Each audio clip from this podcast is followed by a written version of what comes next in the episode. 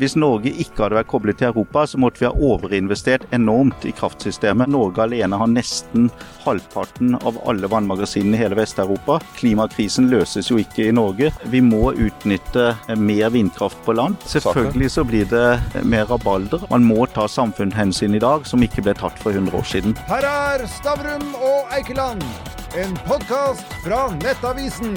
Christian Rynning Tønnesen, konsernsjef i Statkraft. Hvorfor har vi til tider så høye strømpriser i Norge? Norge har jo et helt værbasert eh, kraftsystem. Det er hovedsakelig vannkraft, men også en del vind og etter hvert litt sol. Eh, og, dette er da koblet sammen med, eh, med utlandet. Så vi blir jo påvirket både av det prisbildet vi har i landene rundt oss, men også av vår egen magasinsituasjon på vannkraften. Så høye priser det oppstår enten hvis prisene i utlandet av en eller annen grunn er veldig høye, eller hvis vi har veldig lite vann i egne magasiner. Hva, hva kunne vi ha gjort for å unngå disse høye prisene? Eh, nå har vi jo bak oss eh, den verste kraftpriskrisen som noensinne har vært. og Det skyldes jo at det plutselig kom eh, en krig og en eh, struping av gasstilførselen fra Russland og inn i Europa, som var hovedtilførselen til hele gassystemet i Europa. Det ga enormt høye gasspriser, som igjen smittet over på kraftprisen, fordi at mye av kraften i Europa blir laget av gasskraft. Og Det, det tror jeg ikke Norge kunne ha hindret. Eh, norske priser har hele tiden ligget under utlandet. Eh, men jeg kan ikke se at vi kunne ha unngått det, det på forhånd når det først ble som det ble, så er det veldig bra at Europa har greid å eh, gjøre tiltak for å få dette ned igjen. Man har bygget importterminaler for flytende eh, naturgass eh, per skip fra, fra, store deler av verden inn til Europa. Um, uh, man har spart energi 10-15% og satt fullt trøkk på bygging av fornybar energi, og alt dette har hjulpet. Og I tillegg så har da vannsituasjonen i norske vannmagasiner nå normalisert seg, og summen av dette er at vi er nå i en mer normal situasjon enn, en, en vi har vært det siste året. Betyr det at du kan garantere oss lave strømpriser i vinter? Det, det, det er jo umulig å gi en garanti. Men eh, eh, gasslagrene i Europa er helt, eh, tilnærmet helt fulle nå.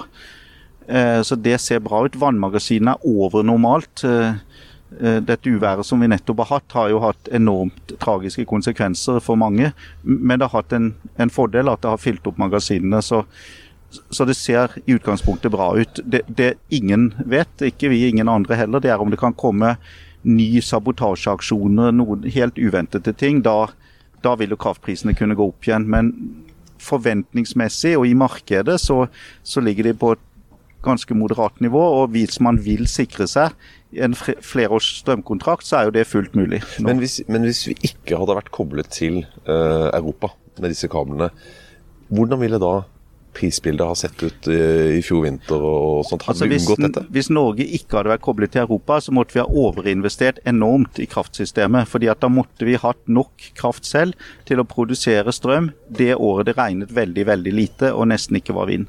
Og alle andre år så ville vi hatt for mye strøm. Og den overinvesteringen måtte jo da vært fordelt ut på veldig mange via en, en, eller annen prismekanisme. Så det ville ha blitt et veldig dyrt system. Det systemet vi har nå, det er veldig bra. Vi produserer fornybar strøm. Den er eh, i snitt, selv om vi har en høyprisperiode bak oss nå, så er den i snitt eh, vesentlig under Europa. Og det er den fortsatt. Jeg tror vi skal være glad for at vi har det kraftsystemet vi har. Så bare for å oppsummere det, så sier du at hvis vi hadde hatt eh, en sånn på innenlandsproduksjon og ikke vært koblet til Europa, så hadde vi hatt en hadde vært en jevnere pris. Vi hadde unngått de store hoppene, men snittprisen hadde vært høyere enn sånn som den er når vi nå får litt fluktasjoner. Altså, Hvis man hadde tenkt seg at Norge var en slags eh, strømøy, at vi ikke var koblet med noen, mm. så måtte vi som sagt da ha investert i så mye produksjon at vi klarte oss uh, uansett. ikke noe samfunn uh, ville tålt å være uten strøm. Så vi måtte ha klart oss i et veldig tørt år. I alle andre år så ville det da vært altfor mye produksjon og veldig lav pris marginalt på produksjonen, men det ville vært en enorm kapitalkostnad bak. Så man måtte hatt en todelt prissystem hvor den, lø si, den, løpende prisen var lav, men det måtte vært en enorm tilleggskost for å betale kapitalkostnaden bak hele systemet. Og summen av dette ville ikke vært billig. Det er jo mange som spekulerer i at uh, den flommen som uh, vi har opplevd nå uh, den siste tiden, at, at man tappet vannmagasinene for, for sent. Fordi man ønsket å ha fulle vannmagasin for å for å eh, unngå altfor høye strømpriser til vinteren.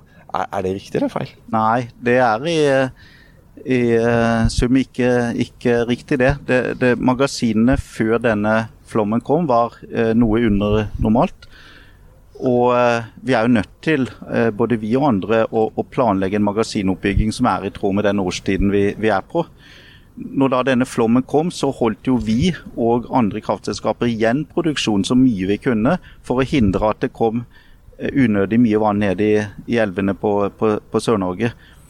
Eh, og vi hadde mye å gå på, eh, og det vet jeg andre hadde også. Så, så, i sum så bidro kraftselskapene til å dempe flommen. Nå sitter vi i Arendal, og ikke så langt eh, den retningen der så bygges det en ny batterifabrikk. Ja. Eh, og Vannkraften kan jo si på en måte er naturens eget strømbatteri.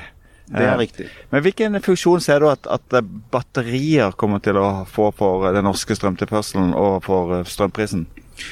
Eh, det er jo et stort behov for batterier i verden. Både til å regulere strømnettene eh, i mange land, fordi fremtidig produksjon vil være mye mer variabel. Mye mer vindkraft og solkraft som leverer strøm når det er vind eller sol. Og batterier kan utjevne dette over, over et døgn eller eller litt mer. Eh, så, så, det vil være en stort, stort, behov for det. Det vil også være et enormt behov for batterier i eh, biler, busser og annen mobil bruk. Så, så, det at vi skal produsere batterier i Norge, det er jo en god industriell idé for å levere inn til dette behovet. I Norge så er vi så heldige at vi har veldig store vannmagasiner. Norge alene har nesten halvparten av alle vannmagasinene i hele Vest-Europa. Så her så er det lite behov for, for, batterier til å regulere vårt strømsystem. Det gjør vi bedre med vannkraften.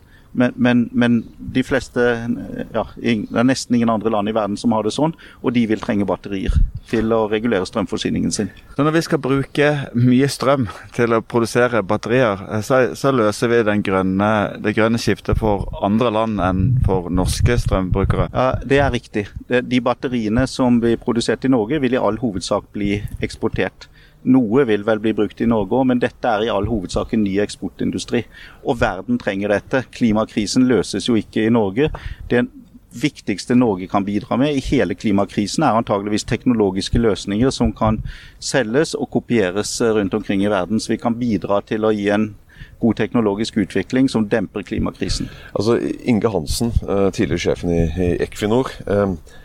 Han eh, var på podkasten vår eh, og mente at Statkraft burde spille den samme rollen innenfor det grønne skiftet som det Equinor har gjort for olje i Norge. Syns du det er en interessant tanke? Ja, vi, vi er jo allerede i dag største, den største produsenten av fornybar energi i Europa. Og vi er e, en av de største utviklerne av ny fornybar eh, kraft i verden. Eh, så, så, allerede i dag så er vi på vei til å innta en sånn posisjon. og Nå mener jeg ikke at bare Statkraft skal gjøre dette. Jo flere selskaper vi får, både i Norge og utlandet som kan bidra, jo, jo bedre. Men Statkraft vil være ledende i det grønne skiftet, både nasjonalt og internasjonalt. Men, men det han mener er jo det at Equinor er jo en mastodont innenfor oljeindustrien og har vært en katalysator for, for veldig mye annen business rundt. Uh, og det han mener er jo at én, stopp utbytte. Uh, la Statkraft beholde det. Gjerne kanskje putte inn ekstra kapital, slik at gjør dere til en ordentlig eh, altså et, en ordentlig bærebjelke i det grønne skiftet i Norge, slik at vi kan få masse underskog. Eller i Europa, egentlig. Ja, eller i Europa, ja, ikke sant? Ja, ja altså... Eh, vi er, lever godt med den utbyttepolitikken som finnes i dag. Og, Nå er det politisk korrekt. nei, ja, men eh, også realistisk. fordi eh, vi, vi, er ikke kapitalbegrenset i dag. Vi har en veldig god inntjening, og vi betaler en andel av det til den norske stat som utbytte. og, og, og Statkraft alene finansierer mellom 1 og 2% av hele statsbudsjettet. Men uh, Eh, det som er viktig for oss, det er at staten overholder den utbyttepolitikken som faktisk er vedtatt, så at ikke vi får uventede store ekstrauttak av kapital. Det vil ødelegge vår planlegging. Um, og Det har vi jo sett tilfeller av. Når det, det man trenger penger, så øker man utbyttet. Ja, Vi måtte selge hele offshore vinddivisjonen eh, etter, eh, etter en en slik hendelse i 2015. Eh, og, så det har store negative innvirkninger. Men, men, hvis det er forutsigbart og staten faktisk overholder sin egen utbyttepolitikk, så vil dette gå veldig bra. Det, Hvis du ser på Equinor, så de, de prøver jo å være grønne. Eh, men det er klart at når du regner på det, så, så er de grønne prosjektene langt ifra så økonomiske som uh, olje og gass, når du har de prisene man, man har på, for tiden. Og da blir det ofte at man, man, utsetter prosjekter. Så det er klart det, det sitter jo vanvittig mye kompetanse hos Equinor f.eks. som OK, la de jobbe hos Statkraft. La tilføre kapital til dere. Så kan de kanskje klare å utvikle enda mer grønn teknologiindustri. Ja. Altså Jeg ønsker også Equinor lykke til med sin grønne satsing. Jeg tror det er viktig at en del av de oljeinntektene eh, i Equinor blir brukt på grønne investeringer.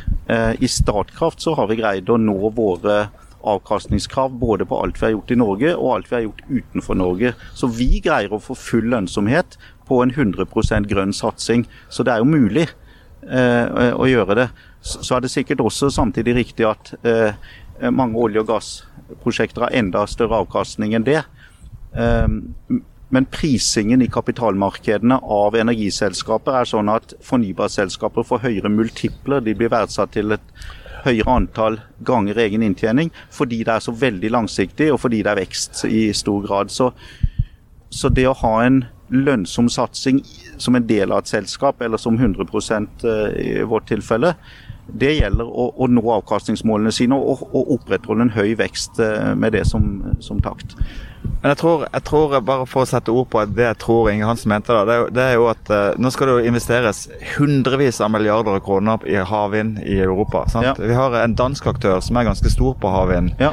Så med mye mer kapital og mye mer aggressiv eh, satsing, så kunne jo Statkraft blitt en en internasjonal gigant på, på, grønn energi. Ikke bare stor i Europa, men på verdensbasis. Altså, det er en interessant diskusjon i et litt lengre perspektiv å si hvor stor vekstevne skal Statkraft ha. Vi kunne nok ha vært enda større enn vi er i dag, både nå og framover, om, om, det hadde vært en annen utbyttepolitikk, eller om vi ja, hadde beholdt mer av eget overskudd. Eh, men akkurat nå, når vi sitter her i dag, så er vi ikke kapitalbegrenset. Men vi vil jo sikkert bli det en gang i framtiden, og da er det en, en, interessant diskusjon å ha. Jeg tror at Norge som land og Statkraft som selskap har jo enorme muligheter i dette grønne skiftet. Altså dette, vi skal legge om hele verdens energisystem fra hovedsakelig fossil til hovedsakelig fornybar. Og allerede i dag så investeres det i verden mer i fornybar energi enn i olje og gass. Og den brøken eh, stiger raskt i favør av fornybar. Så det å å gå tungt inn der med Statkraft og andre selskaper, det er riktig nasjonal eh, politikk av Norge å, å, gjøre. Og som sagt, altså vi sitter i Arendal. Eh, Sam Eide var jo nesten herfra. Altså ja. Vugga til Hydro. Eh, og Er det noe vi kan i Norge, så er det jo på en måte eh, å lage fornybar kraft. Altså, det er riktig. Der har vi jo faktisk naturlige forutsetninger for å bli verdensledende. Ja. Vi har naturlige forutsetninger på vannkraft som er langt på vei eh, regulatoren i mange land sitt eh, fornybare kraftsystem, fordi du må ha produksjonsevne når det ikke er vind og sol, og da er jo vannkraften suveren. Eh, vi, vi, kan jo også bruke vannkraftverk til å pumpe vannet opp baklengs når det er mye billig strøm i systemet, og, og lagre dette. og så produsere mer da i andre perioder når det trengs. så Dette kan utvikles også til omfattende pumpekraftsystemer som går langt utover det vi allerede har. Så, så, så tar du vannkraftkompetansen i Norge, også det at vi etter hvert har blitt en anstendig vindkraftnasjon, selv om vi ikke har begynt på offshore vind enda, og den generelle teknologiske kompetansen som vi har fra mange andre industrier. Vi er en høykvalitets industrinasjon. Alt dette i sum gjør at eh, alt ligger til rette for at vi skal greie å, å bli ledende på, eh, på, på, flere deler av eh, ny grønn teknologi. Altså Gamle Statoil, altså Equinor nå, de gikk jo på børs for ja, det er vel rundt 20 år siden, pluss minus. Ehm, de har hatt suksess med det. Ja. Eh, er det en tanke du, du liker å, å ha? Men altså Da får dere den ka- kapitalen dere kanskje trenger til å vokse og gjøre disse tingene du, du snakker om. Det er, jo, det er jo et eierspørsmål. Det er jo ikke noe vi i ledelsen i selskapet kan tenker på det? bestemme. Hadde vi vært på børs, så ville vi eh, hatt en børsverdi på delt andreplass i Norge ca. sammen med DNB. eh, I overkant av 300 milliarder kroner, eh, men bak Equinor. Men likevel på størrelse den halve Equinor. eh, og vel så det. Så, så vi, vi ville jo vært et stort selskap eh, hvis man tenker på det på den måten. Men eh, det er jo mange andre forhold som spiller inn her. Nasjonal kontroll over naturressurser bl.a. så, så, så, så dette er ikke et, et enkelt spørsmål. Men at Statkraft på, på en eller annen måte må få lov å vokse så lenge den veksten er lønnsom og hjelper verden i grønn retning, det mener jeg det må vi greie å få til her i landet. Hvis vi eh, bare avslutter den, dette temaet mm. med et paradoks, da. Altså, vi har kanskje verdens mest kapitalrike stat i Ja. forhold til folketallet. Ja. Vi har en verdensledende bedrift, eh, og årlig tar vi ut utbytte fra den bedriften for å finansiere statskassa. Det virker ikke så veldig framoverlent. Nja, det er ikke en direkte motsetning. Altså En av grunnene til at vi har blitt så rike i Norge, er jo at vi har greid å lage industrier som har god, tjening, eh, god inntjening, og som vi har tatt utbytte fra. Og så har det utbyttet delvis gått inn i et kjempesvært oljefond. Men det er jo en riktig eh, skal vi si, kapitalistisk modell at eh, alle bedrifter, også vekstindustriene og grønne industrier, leverer overskudd og utbytte til eier. Så jeg ser ikke det som en motsetning. Så selv om Statkraft skulle kapitaliseres med vesentlig mer kapital i framtiden enn vi har i dag, så vil jeg fortsatt mene at vi skulle eh, betale utbytte. Det, det, det er ingen motsetning. Det er tvert imot så, så skal eh, suksessrike bedrifter også bidra til eieren. Men eh, vi, satt her i, i fjor. Da hadde vi besøk av Yara-sjefen og, og Norsk Hydro-sjefen. Eh, de er jo også midt i, i, det grønne skiftet og satser stort der. Ja. Eh, det de begge følte, var at eh, politikerne ikke eh, Altså, de var flinke til å sette, altså, legge til rette for at vi skal sette i gang mm. grønne tiltak. Men de tenker jo ikke på at man trenger jo energi for å klare eh, disse grønne tiltakene. Og at man har ikke tenkt på okay, hvordan skal vi få økt kraftproduksjonen. Eh, og eh, jeg tenker litt sånn vi, Kommer vi til å havne akterut og, og få mangelvare på, på, på kraft, og ergo veldig høye strømpriser i mange, mange år frem? Det er en risiko for at eh, forbruket vil øke mer enn produksjonen framover, men det er fullt, fullt løsbart. Og fremdeles så har vi enorme energiressurser i Norge som ikke er utnyttet. Så svaret, litt forenklet, det er at eh, vi må utnytte eh, mer vindkraft på land. Ikke overalt. Det skal være betydelige områder hvor det ikke bygges vindkraft, men vi, vi må bygge mer på land.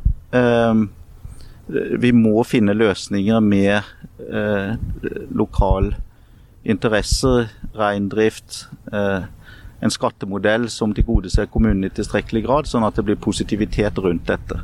Det, det, det er det viktigste vi kan gjøre på, på noen års sikt for å få mer energi inn i det norske systemet. På lang sikt så er det offshore vind som er den enorme ressursen som vi ennå ikke har tatt i bruk. Og Da må det lages med et design i sørlig Nordsjø, bunnfast, slik man har planer om å starte på nå. Det, den utviklingen må fortsette med noe som henger sammen med Europa og henger sammen med Norge. Og på en slik måte at det går netto kraft til Norge fra disse utbyggingene, men også kraft til utlandet.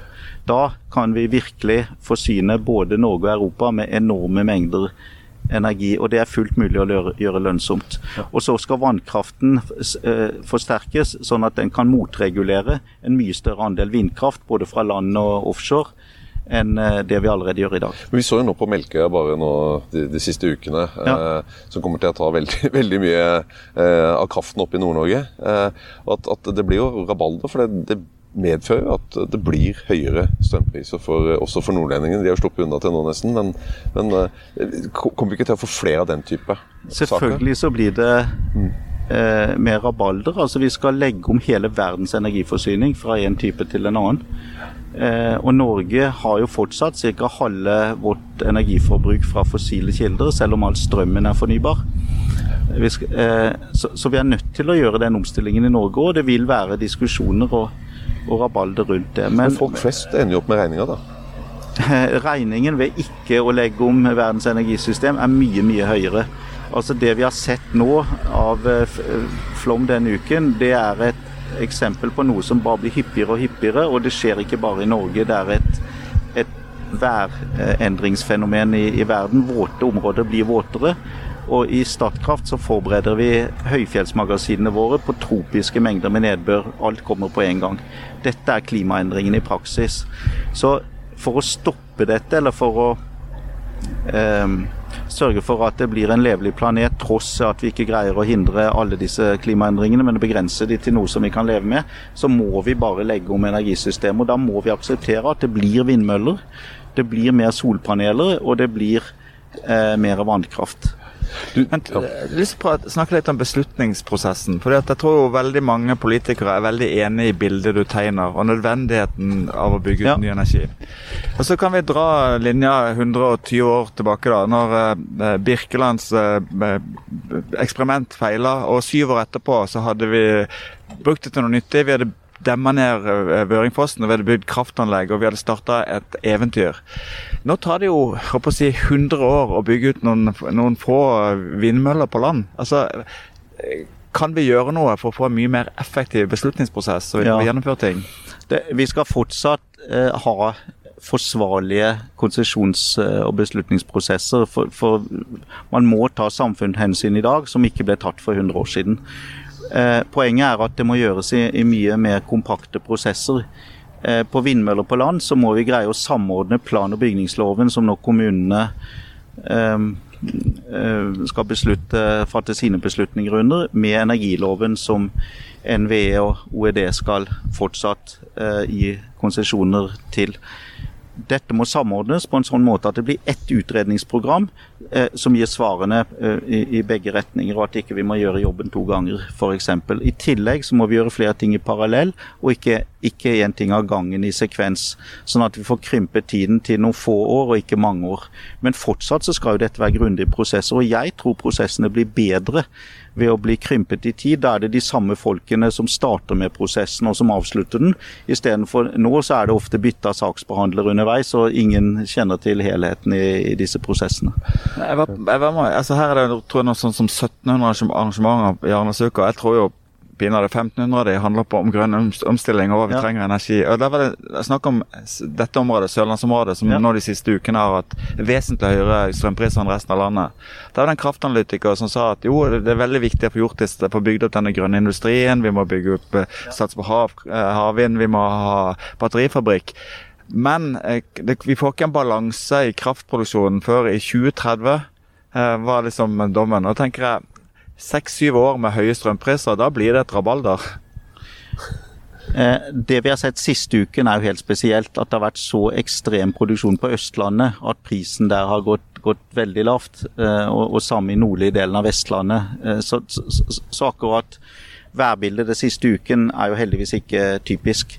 Men eller for folk flest er det litt Vi vil gjerne ha lave priser. Ja, men, men, for deg altså, er det selvfølgelig uheldig. Da, da, opplever man jo her at eh, Sør-Vestlandet har ikke fått det, mens Østlandet har fått det og Vestlandet har fått det. Men de, men, må tåle litt. Men, men det er likevel sånn at dette prisbildet vil jo eh, ikke være likt over hele Norge de nærmeste årene, fordi kraftnettet er ikke så sterkt at det greier å utjevne enhver prisforskjell.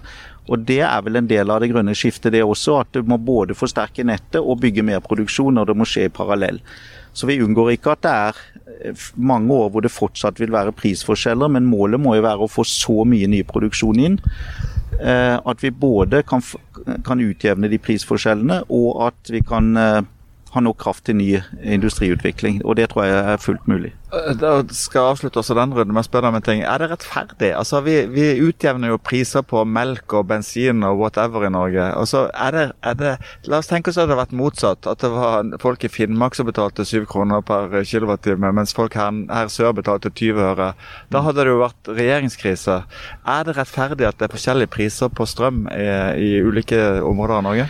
Det er jo ikke ønskelig. Ehm, Eh, men det er altså en konsekvens av at det er begrensninger i nettet, og det har vært veldig spesielle forhold. Det har vært den, den største forsyningskrisen i Europa noensinne på energi. Mye større enn oljekrisene i 73 og 79. Og det har vært et helt spesielt værbilde med veldig tørt vær i, i Sør-Norge i fjor. Så dette er jo ikke normalen at det er så store prisforskjeller som vi har sett nå. Så det vi kan forvente framover, er fortsatte prisforskjeller, men ikke i så ekstrem grad som det har vært. Og, og, målet må jo være å utjevne alt dette, akkurat som du sier. Men det tar, det tar noen år med investeringer å komme dit. Og i mellomtiden så må vi vel leve med at det er, det, er prisforskjeller, og så må de over tid gå ned. Altså, uh, Tidligere jo, så fikk uh, du og Statkraft veldig tyn for disse bonusutbetalingene til, til ansatte. Det var 2,2 milliarder dere betalte ut. da lurer jeg på, altså, Nå har man fått det, men hvorfor så man ikke det før å, å legge inn en maksgrense på disse bonusene?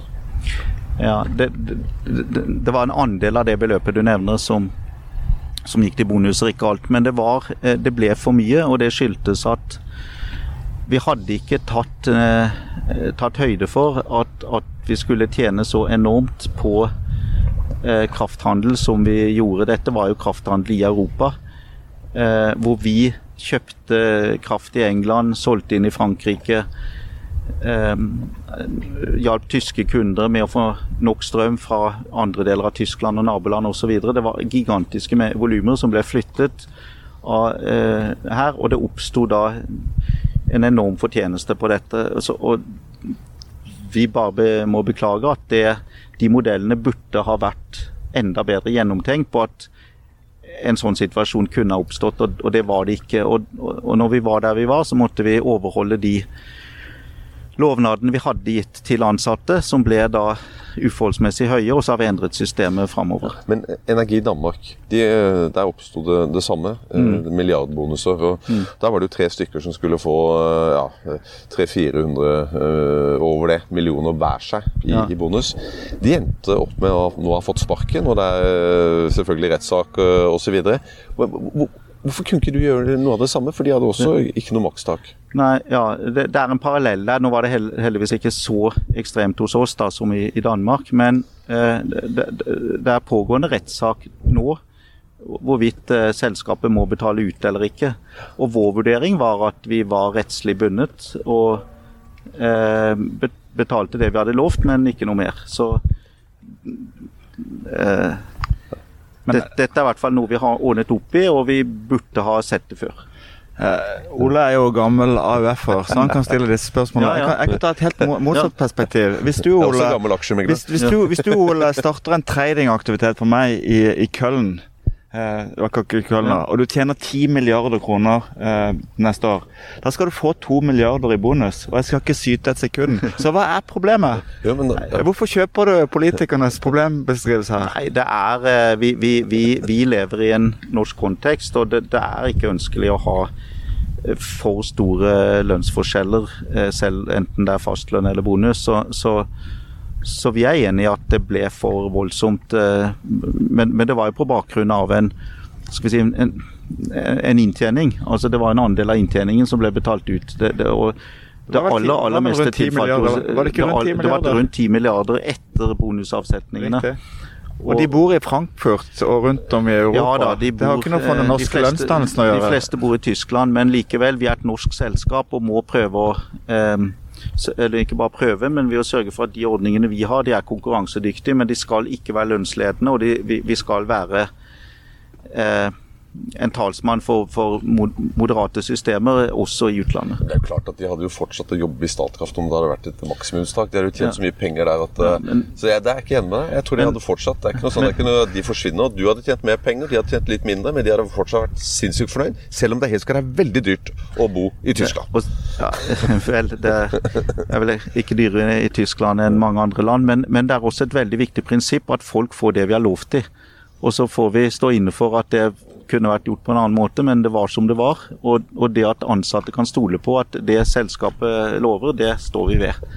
Det, det, det, prinsippet valgte vi faktisk å følge. Jeg syns uh, at dere fikk mye tyn i den saken, særlig på bakgrunn av at, uh, at næringsministeren var blitt informert om dette veldig tidlig i prosessen. Styrelederen din hadde informert uh, Vestre om dette, men når det, når det, kokte opp, så fikk dere ikke noe støtte fra eieren. Og jeg, jeg føler at av og til så er statsselskaper utsatt for en form for politisk risiko som er vanskelig for dere å forutse på forhånd.